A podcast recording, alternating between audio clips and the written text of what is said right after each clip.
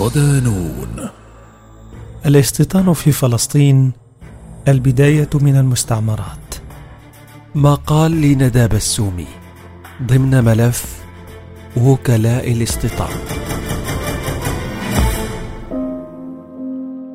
لا يقتصر حديثنا عن احتلال فلسطين عما جرى إبان النكبة الفلسطينية عام 1948 من تهجير السكان واحتلال الأرض وارتكاب جرائم حرب وإقامة دولة مصطنعة على الأراضي المحتلة في النكبة.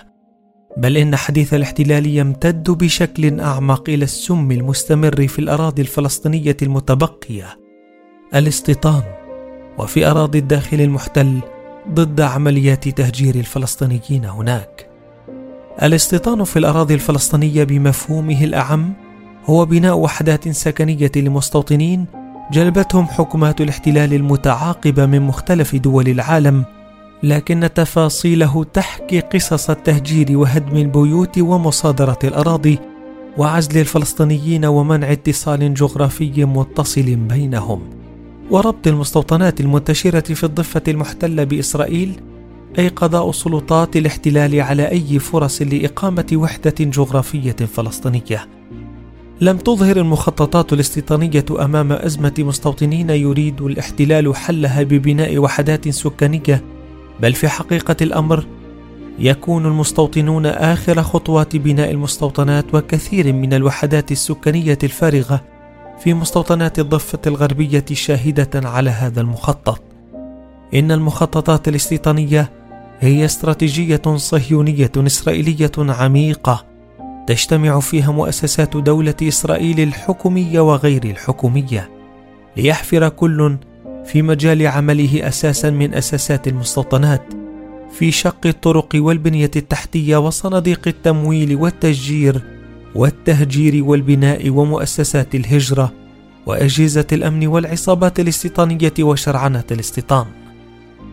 هذه الاستراتيجية الممتدة بين مؤسسات الاحتلال وجيشه وما يتزامن معها من إرهاب مستوطنيه أفضت في نهاية عام 2022 إلى وصول عدد المستوطنين في الضفة الغربية بما فيها شرقي القدس إلى 726 ألفا و427 مستوطنا موزعين على 176 مستوطنة و186 بؤرة استيطانية وفق التقرير السنوي لهيئة مقاومة الجدار والاستيطان.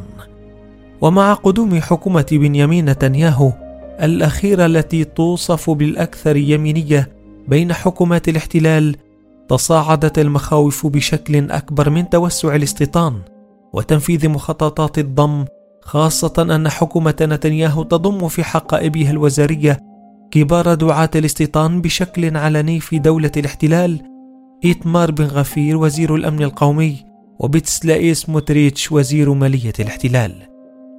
في ضوء ذلك يفتح نون بوست ملف وكلاء الاستيطان في الضفة الغربية الذي يسلط فيها الضوء على أجسام الاحتلال الرسمية وغير الرسمية المعلنة صراحة عن تنفيذها أعمالا استيطانية أو تلك المختبئة خلف مفاهيم تطوير البنية التحتية والحفاظ على البيئة وشرعنة القوانين.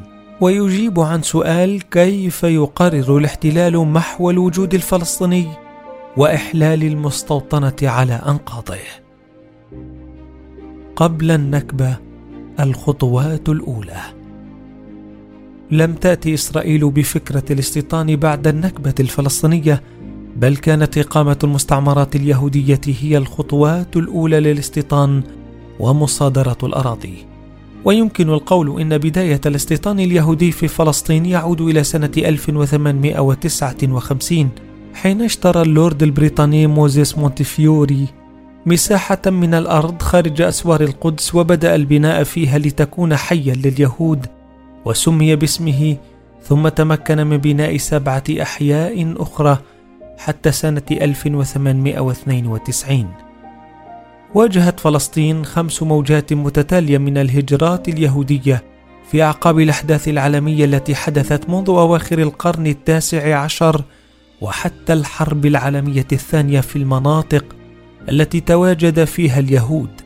وفي تلك الفترة شهدت فلسطين طرازا خاصا من المستوطنات الزراعية هي الكيبوتس الذي يقوم على العمل التعاوني الاشتراكي حيث لا ملكية خاصة للأرض أو للمعدات أو للمنازل أو للمنشآت.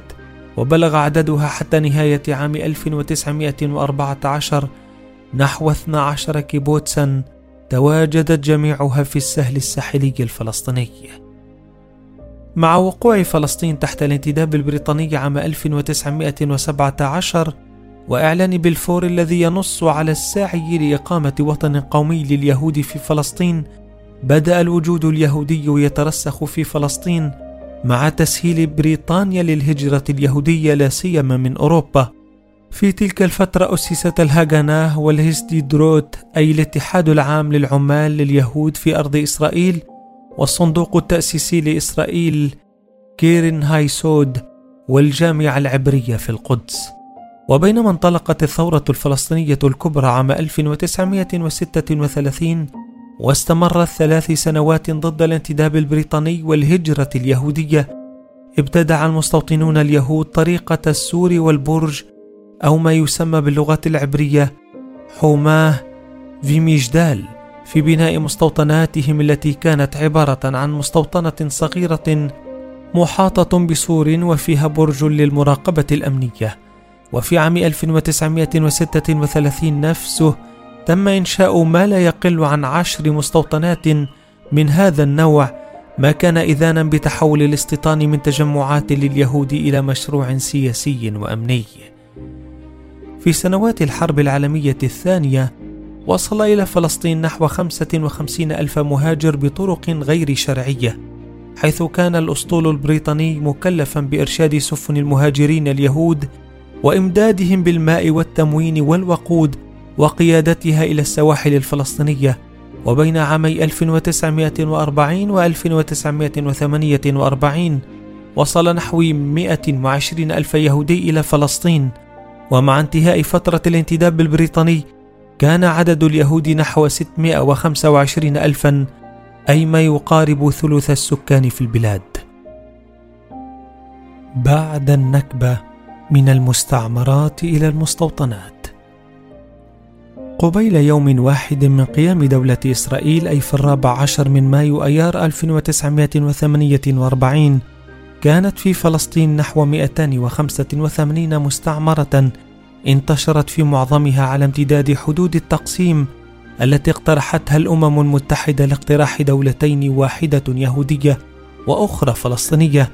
من المطلة في الشمال عند الحدود اللبنانية إلى عين جدي في الجنوب عند أطراف البحر الميت. وفي العقد الأول للاحتلال عملت حكومات حزب العمل بموجب خطة ألون التي توصي ببناء مستوطنات في مناطق ذات أهمية أمنية والتي فيها كثافة سكانية فلسطينية منخفضة مثل غور الأردن وأجزاء من جبال الخليل والقدس وضواحيها. ومع وصول حزب التكتل الليكود إلى الحكم عام 1977 وهو حزب بنيامين نتنياهو بدأت الحكومة ببناء مستوطنات في جميع أنحاء الضفة الغربية خاصة في المناطق التي يتركز فيها الفلسطينيون على قمم الجبال وفي المناطق الواقعة غرب خط رام الله نابلس باستراتيجية مدفوعة بأهداف أمنية وأيديولوجية. تزامن ذلك كله مع منع الاحتلال الفلسطينيين من بناء المنازل أو المباني العامة في التجمعات الفلسطينية خارج مراكز المدن. وبالتالي رفض إصدار تراخيص البناء ورفض ربط التجمعات بمرافق أساسية مثل شبكة المياه والكهرباء والامتناع عن شق شوارع تؤدي إليها. وعندما يجد الفلسطينيون أنه لا خيار لديهم سوى البناء دون ترخيص تصدر الإدارة المدنية للاحتلال أوامر الهدم.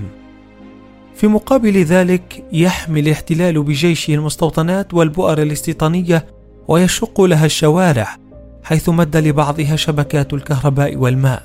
ويقدم لها الدعم عبر عدة قنوات منها وزارات الحكومة وقسم الاستيطان في المنظمة الصهيونية العالمية والمجالس الإقليمية في الضفة الغربية. كما يمنح أفضليات لمشاريع اقتصادية ضمنها منشآت زراعية ويدعم مزارعين جددا ورعي القطعان ويخصص لهم حصص المياه ويمنحهم حماية قانونية ضد الالتماسات التي تطالب بإخلائهم ليجتمع وكلاء الاستيطان في صورة واحدة.